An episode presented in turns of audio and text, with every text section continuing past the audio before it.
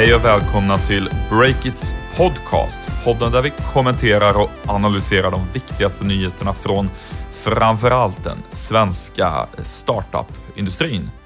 Jag heter Ola Aronsson och jag har med mig, eh, som oftast, Stefan Lundell. Vi är båda medgrundare till eh, nyhetssajten Breakit. Vad ska vi prata om idag, Stefan?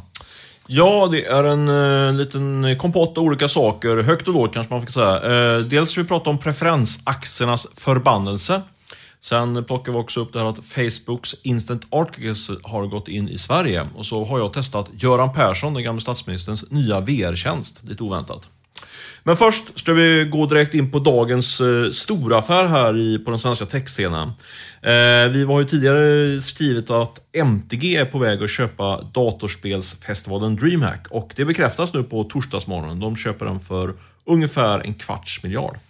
Ja, och um, eh, vi har ju då tidigare rapporterat om att de parterna skulle haft svårt att komma överens om priset, men nu eh, är avtalet eh, satt i skrift så att säga. Eh, och MTG köper alltså DreamHack som är ett svenskt bolag som ligger bakom världens största datorspelsfestival.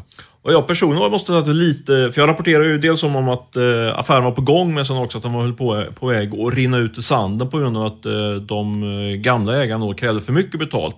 Eh, men nu visar det sig att de får ungefär då en kvarts miljard för, för sitt eh, sin skapelse. Vilket eh, jag, eh, jag tror inte att de får ut sådär mycket pengar, men det, MTG ser tydligen stora eh, värden att växa den här festivalen ut eh, utanför Sveriges gränser. Den finns ju redan utanför Sverige, men skulle växa ännu mer, säger de i kommentarerna.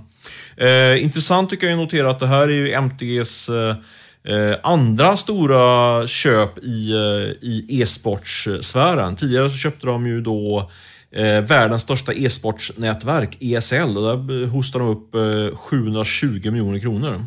Sen förhandlar de, har ju vi tidigare skrivit, eh, med om att köpa en, ytterligare en e-sportspelare som heter ESEA. Eh, och nu köper de alltså DreamHack. Eh, så totalt har de handlat e-sportsaktörer för drygt en miljard och det kan bli mer.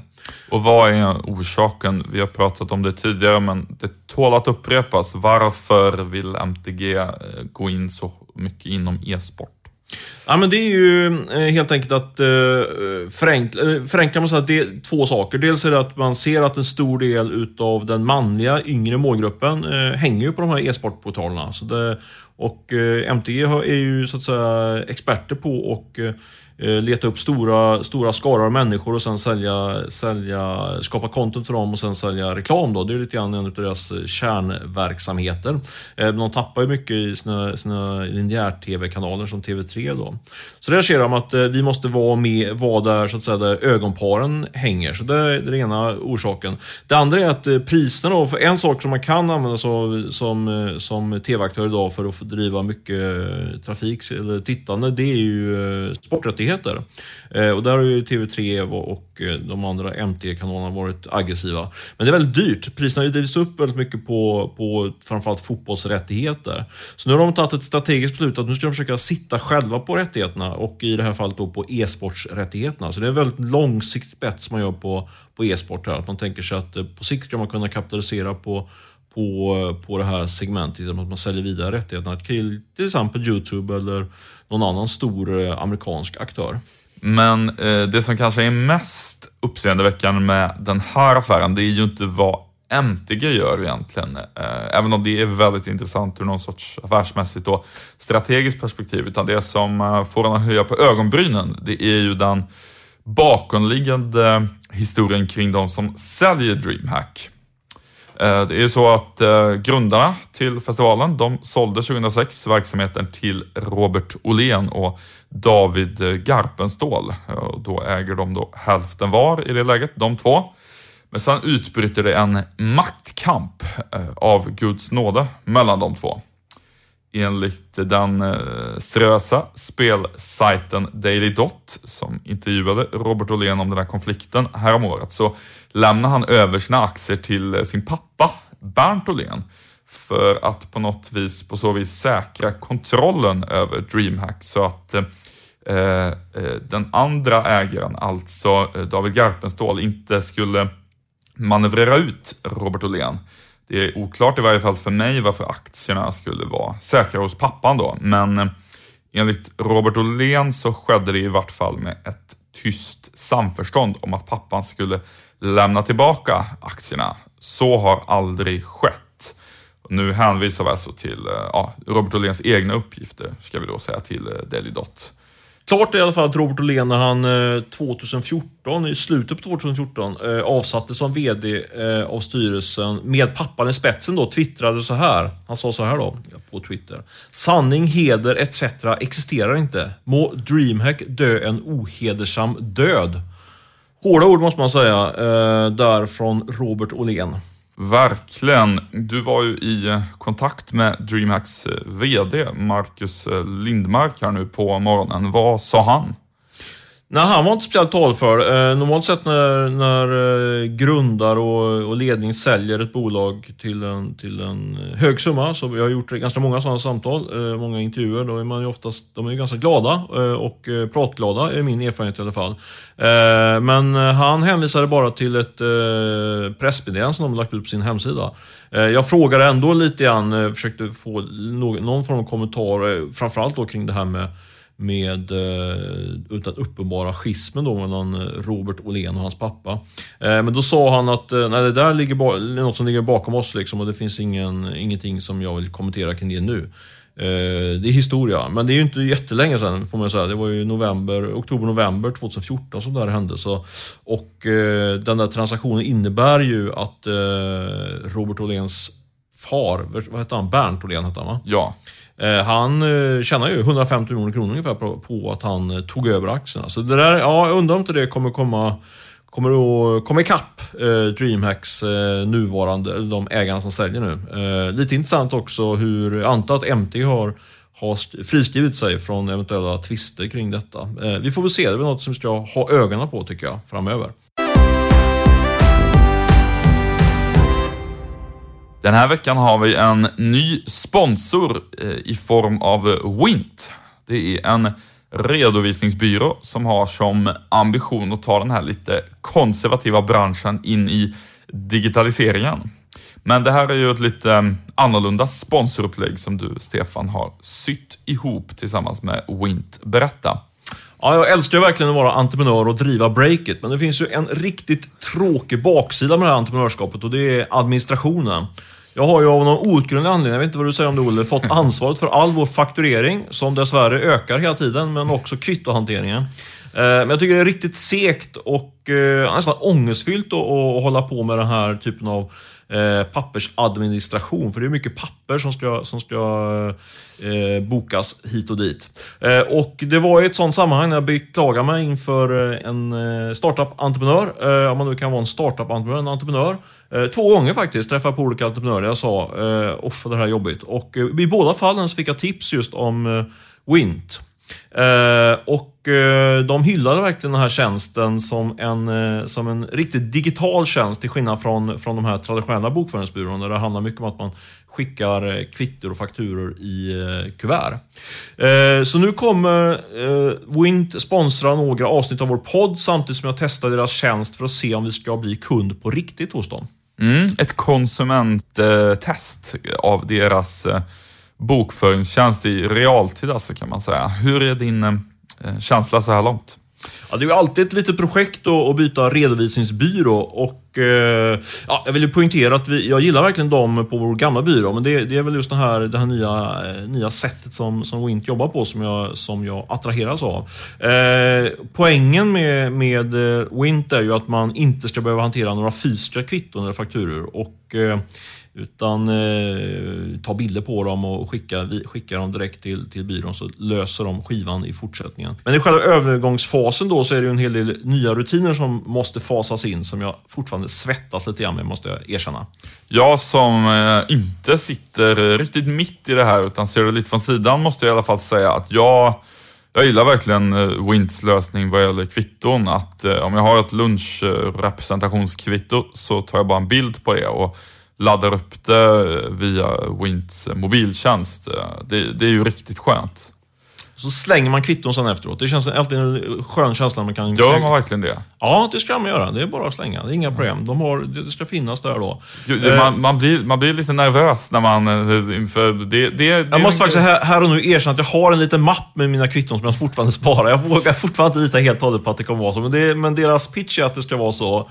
Hittills så är det kanske, kanske mest du då och de andra på redaktionen som har så att säga, njutit av, av uh, Win, Vints tjänst här. Men eh, jag kämpar på och jag tror att det kommer bli bra. Det är jag övertygad om. Vi får följa din resa här med Wint, eh, Stefan. Wint som alltså är en av våra poddsponsorer den här veckan. Tack Wint! Nu ska vi prata om ett av dina favoritämnen, Stefan, nämligen preferensaktier. Ja, men absolut. Eh, Det säger väl en hel del om min person att jag älskar preferensaktier och prata om det. Men det är faktiskt väldigt spännande här med preferensaktier. För det, det handlar om, om makt och pengar och eh, inte brustna löften men eh, förhoppningar som kanske inte infrias skulle jag säga. Så det finns eh, mycket journalistiskt intressant kring detta ganska torra ord preferensaktier. Vi, vi pratade ju om det här i, skrev ju om detta i, redan i våras där vi lyfte lyfta upp eh, riskerna med att ha preferensaktier när man tar in eh, riskkapital från externa eh, Eh, investerare, vilket många entreprenörer gör i, startup-sektorn. I princip handlar det om att eh, investerarna Eh, försäkrar sig och tar en lägre, lägre risk genom att de tecknar sig på de här preferensaktierna. Eh, och de står så att säga först i kön när ett bolag säljs eller ska likvideras. Det är de som tar pengarna först. Och eh, det, fördelen för en entreprenör är ju att man får, kan få en högre värdering. Men man måste också vara medveten om den, den nedsidan som följer att, att, ja, att investerarna tar en lägre risk. Då.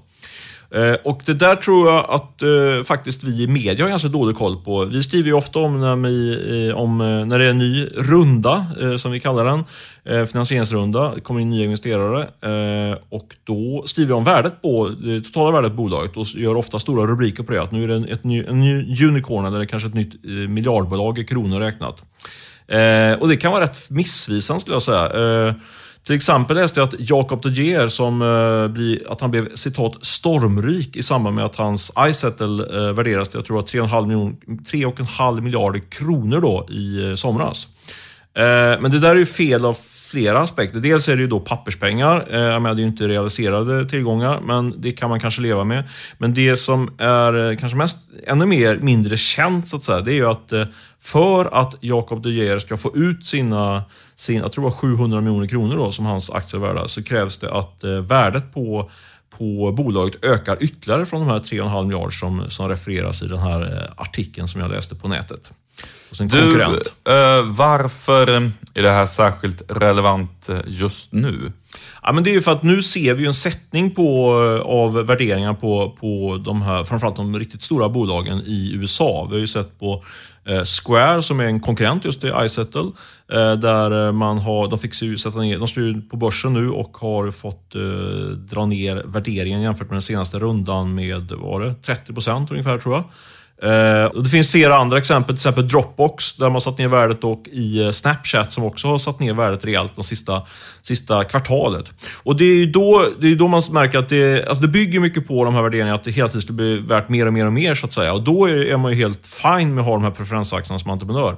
Men nu börjar vi komma in i ett klimat där, där värderingarna sjunker på de här bolagen och eh, det kan bli så att eh, ägarkåren har så att säga, motstridiga intressen. En del, de som kommit in sent i bolagen eh, och har den här försäkringen, så att säga, de kanske vill driva fram en eh, notering till, till eh, värden som gör att de är så att säga in the money och tjänar pengar medan eh, entreprenören eh, inte alls blir så rik som man kanske hade hoppats på. Precis, eh, för jag tror att, ehm, eh, eller jag vet att det är flera som har kommenterat i veckan, apropå Squares eh, börsnotering, att eh, det där är inte så, um, det där är inte så farligt. Att uh, Squares eh, värdering så att säga på pappret är, är lägre nu vid börsnoteringen, för det beror på uh, den här och den här preferensaktiestrukturen och sådär. Det, det, men det man ska komma ihåg då, det är liksom att um, det om, säg att Square skulle bli uppköpt av en stor bank till exempel.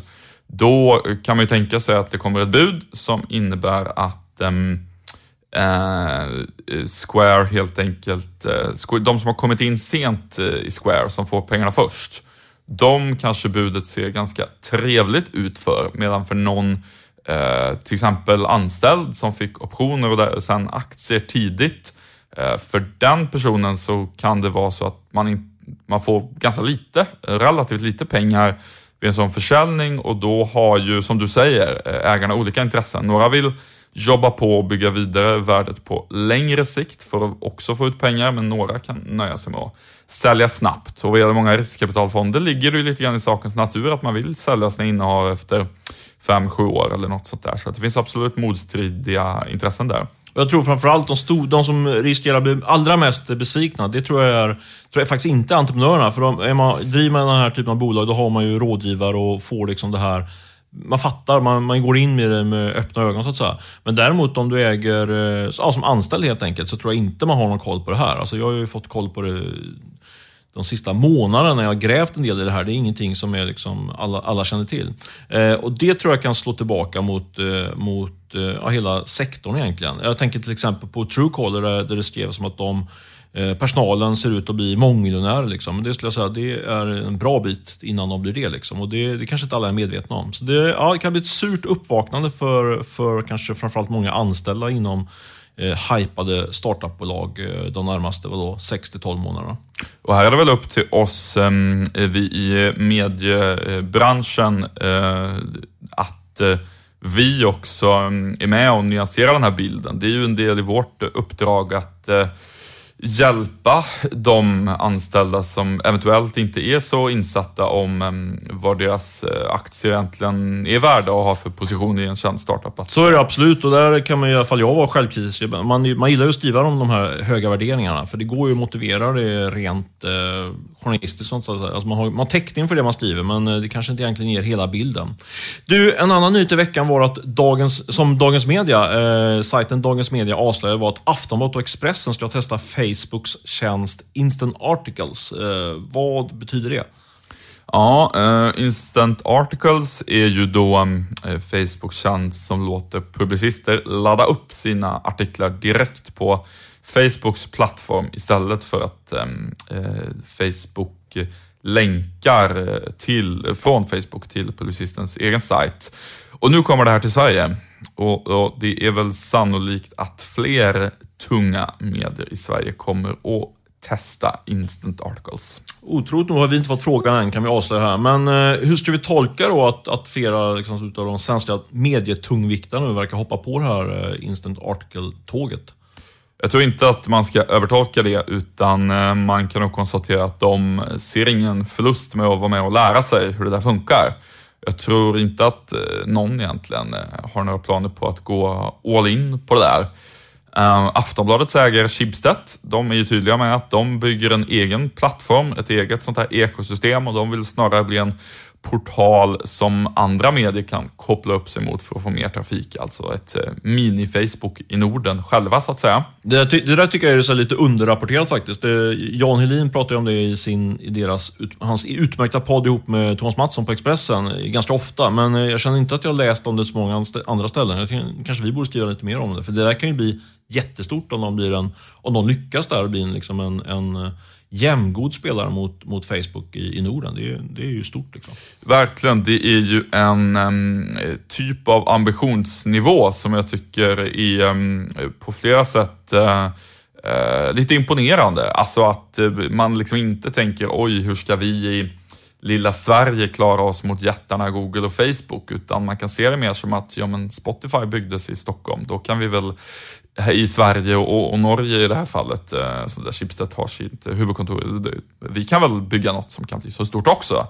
En härlig ambitionsnivå tycker jag. Ehm, Däremot kan man ju vända på det, för det är lite grann, eh, jag läste i eh, Aftonbladet, kom ju, eller Schibsted kom med sin framtidsrapport här i veckan, som de väldigt gentilt delar med sig av. Och där skrev ju Jan Helin ganska långt, en lång, långt inlägg kring just den här, eh, vad ska man säga, makt eh, maktkampen då mellan de stora amerikanska plattformarna och eventuellt eh, nordiska spelare. Och han, hans slutsats var ju att antingen så ska man bli ha en plattform då, alla, alla eller Facebook. Man ska vara expert på teknikutveckling och insamling av data. Eller så blir man så att säga en renodlad innehållsproducent och det är kanske inte jätteattraktivt i framtiden.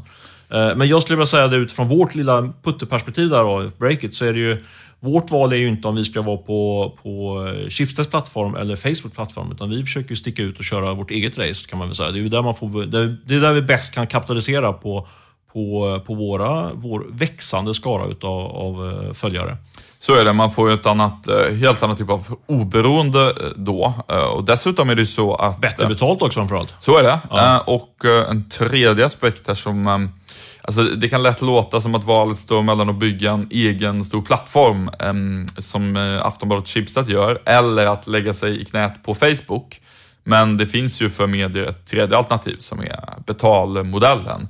Eh, och det är ju nog den, i, i Sverige är det nog så att dit går morgontidningarna och eh, kvällstidningarna som ju är mer räckviddsprodukter ska nå väldigt många människor. De eh, de får antingen bygga egna plattformar eller lägga sig i knät på Facebook, eh, lite förenklat. Ska... Men sen kan man väl säga som ett fjärde, eller som ett mellanalternativ, det vi, om vi nu ska prata om oss hela tiden, men jag menar som många andra mindre nischaktörer på bland mediebolagen, eh, mediesajterna, så är det väl att man eh, att man, eh, ja, det är som en massa andra typer av intäktsben, men om man tittar rent bara på sajten så handlar det väl om att man som sagt bygger en egen stor räckvidd eh, att, eh, direkt, med direkttrafik. Då. Det skriver Jan Helin väldigt stolt och det gör jag med all rätt att Aftonbladet har väl en direkttrafik på 85 procent tror jag är den senaste siffran de har... Det är sjukt imponerande siffror. Så, och så jämför de med Guardian då, som har 20-25 procent direkttrafik. Så mm. det, det, säger en del om vem som är bäst rustad liksom, inför det här digitala kriget som vi står inför, eller som vi kanske är mitt inne i. Vi sponsras den här veckan också av Miss Hosting. Så är det och Miss Hosting har eh, denna vecka faktiskt skrivit en eh, egen sponsrad artikel som är publicerad på breakit.se. Just det, de producerar content för oss. Det är en text som jag verkligen tycker ni ska gå in och läsa. Det är en sponsrad artikel. Eh, texten är ju vinklad på det faktumet att allt för få entreprenörer lägger någon större vikt eh, det här, kring det här valet av hostingleverantör. Och det är ju ett område då som Miss Hosting verkligen kan på sina fem fingrar, måste man ju hävda och påstå. Och I artikeln ger bolaget tre konkreta råd på hur man maximerar utfallet just av sin hostinglösning. Ja, eh, och valet av eh, hostingleverantör det är ju faktiskt direkt affärskritiskt när man startar upp en sajt. För om sajten går ner eller börjar krångla då vill du kunna få, få hjälp direkt med att få upp den igen eh, så snart som möjligt. Annars kan man ju tappa eh, försäljning eller annonsintäkter beroende av eh, vad man, vad man lever av för någonting. Så är det. Kolla upp det där på breakit.se där artikeln ligger exponerad på första sidan. Och med det tackar vi Miss Hosting för veckans sponsorskap. Nu är det dags för den här poddens stora höjdpunkt, i varje fall i min högst personliga mening. Det är att jag ska få höra om hur det var när du Stefan testade Göran Perssons nya VR-teknik som vi på rubrikspråk eh, kallar för. Ehm, det handlar ju om eh, det svenska företaget Diakrit. Eh, kan du berätta lite grann om det här, Stefan? Ja, precis. Vi ska väl för formens skull säga att eh, Göran Persson via investmentbolag, ett investmentbolag som är storägare då i Diakrit. Du backar direkt från min rubriksättning. Ja, men rätt ska vara rätt. Men han är en av storägarna i det här eh, riskkapitalbolaget. Det stämmer allt att det är Göran Perssons eh, VR-bolag nu som går in eh, på bred front i, eh, i eh, bostads... vad ska man säga, lägenhetsvisningssegmentet kan man väl kalla det. För Diakrit är ju en jättestor spelare just i det segmentet sedan tidigare. Alltså när du går in på Hemnet till exempel och tittar på, på bilder på potentiella eh, lägenheter som du vill köpa. Så då är det ofta Diakrits eh, bilder och 3D-lösningar eh, som du tar del av.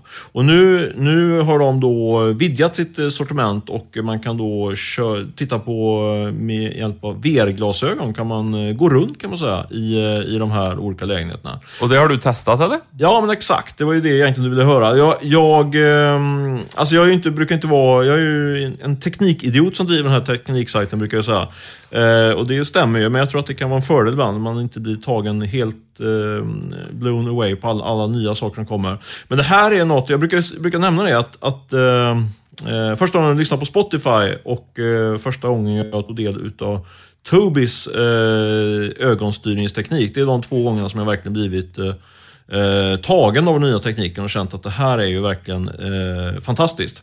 Och jag är inte riktigt lika tagen utav den här VR-tekniken, men inte långt ifrån. Jag, jag ser verkligen fördelarna med det. Eh, jag testar ju som sagt det här och Eh, Eh, det var ju verkligen så att man kunde gå in och titta i det här nya byggbolagets eh, nya projekt som kommer att vara klart först, eh, inte jag, om två, tre år sådär. men redan nu kunde man få en ganska bra känsla för hur lägenheterna ser ut och även hur omgivningen såg ut. Så ja, ja mitt eh, omdöme är en, vad ska jag säga, fyra av fem breakit-smurfar eh, eller vad ska jag jag har för grej. Symbolen B kanske skulle ja, snyggt. absolut. Fyra ben av fem möjliga. Uh, men uh, när du gick runt där inne då, Mm. Kändes det liksom då som att om du skulle vara in the market för en ny lägenhet, skulle du liksom känna att uh, den VR-upplevelsen. Säg att du skulle köpa en lägenhet i ett annat land utan att åka dit och titta på den. Skulle du känna liksom att, att det räckte då eh, med att ta en sån VR-tur? Jag tror att det, det kan vara eh, droppen som får bägaren att rinna över. För de har ju som sagt flera andra tjänster. Man kan, man kan ju via sin desktop då gå runt eh, i 3D-format och få en väldigt bra bild av av objektet. Eh, och kan man då, då ställa sig rent fysiskt och titta runt i lägenheten så ja, absolut, jag tror att det skulle kunna vara eh, någonting som i alla fall skjuter fram, att det kommer ännu närmare ett köpbeslut. Det tror jag. Sen tror jag också en, en nästa steg i det här är att man ska kunna titta på befintliga lägenheter. Och det, det ser jag verkligen en, en eh, bra det vet jag ju när jag själv var ute runt och tittade på bostadsrätter för ganska många år sedan. Då var det ju ett race runt på stan och tittade på kanske fyra, fem olika lägenheter på en söndag. Här kan man då tänka sig att man tittar på de här fem som man är intresserad av hemma och sen så gallrar man ut och så kanske man har två eh, lägenheter som man sticker ut och tittar på stan. Det tror jag absolut är en, eh, en eh, smart grej helt enkelt. Jag har en tanke där som säkert grundarna bakom Diakrit har tänkt på långt före mig, men i vart fall här borde man ju göra någon typ av samarbete med IKEA på något sätt. Att du går runt och tittar i liksom lägenheten och sen har du skapat en mjukvara som gör att du liksom kan byta inredningen mellan olika IKEA-inredningar. Hmm, Okej, okay, hur skulle den här lägenheten se ut om vi hade en röd soffa från IKEA som stod där borta? Ah, Okej, okay, hur blir det om det är en blå soffa av den modellen istället? Att man liksom kunde byta det och på så vis eh, föreställa sig mycket mer liksom, hur lägenheten faktiskt skulle den vara att bo i. Den finns redan, fast den finns på... Då är det på desktop du går in och tittar. Ja. I den då, däremot framgår inte om det är IKEA eller något annat, men däremot kan du klicka på att du vill ha svart kakel eller rött kakel eller vad du kan, kan ha. I VR kan man det? Nej, inte VR, ja, men, men det var på, det jag menade. Att det, ja. det, för det finns ju att man kan göra så, men om man gör det i VR, liksom, ah, okay. då är det på... Nej, då har de då, är det, då, är det, då, då, då, är det ju verkligen så här. Och sen ska det dyka upp en liten knapp i VR-glasögon som man bara kan blinka till och så köper man direkt i... Just det. E- exakt. Ja, vi får bli eh, affärsutvecklare på Diakrit här istället. Om Precis, du bara blinkar direkt och sen så får du en faktura av eh, Klarna på, på 12 000 kronor.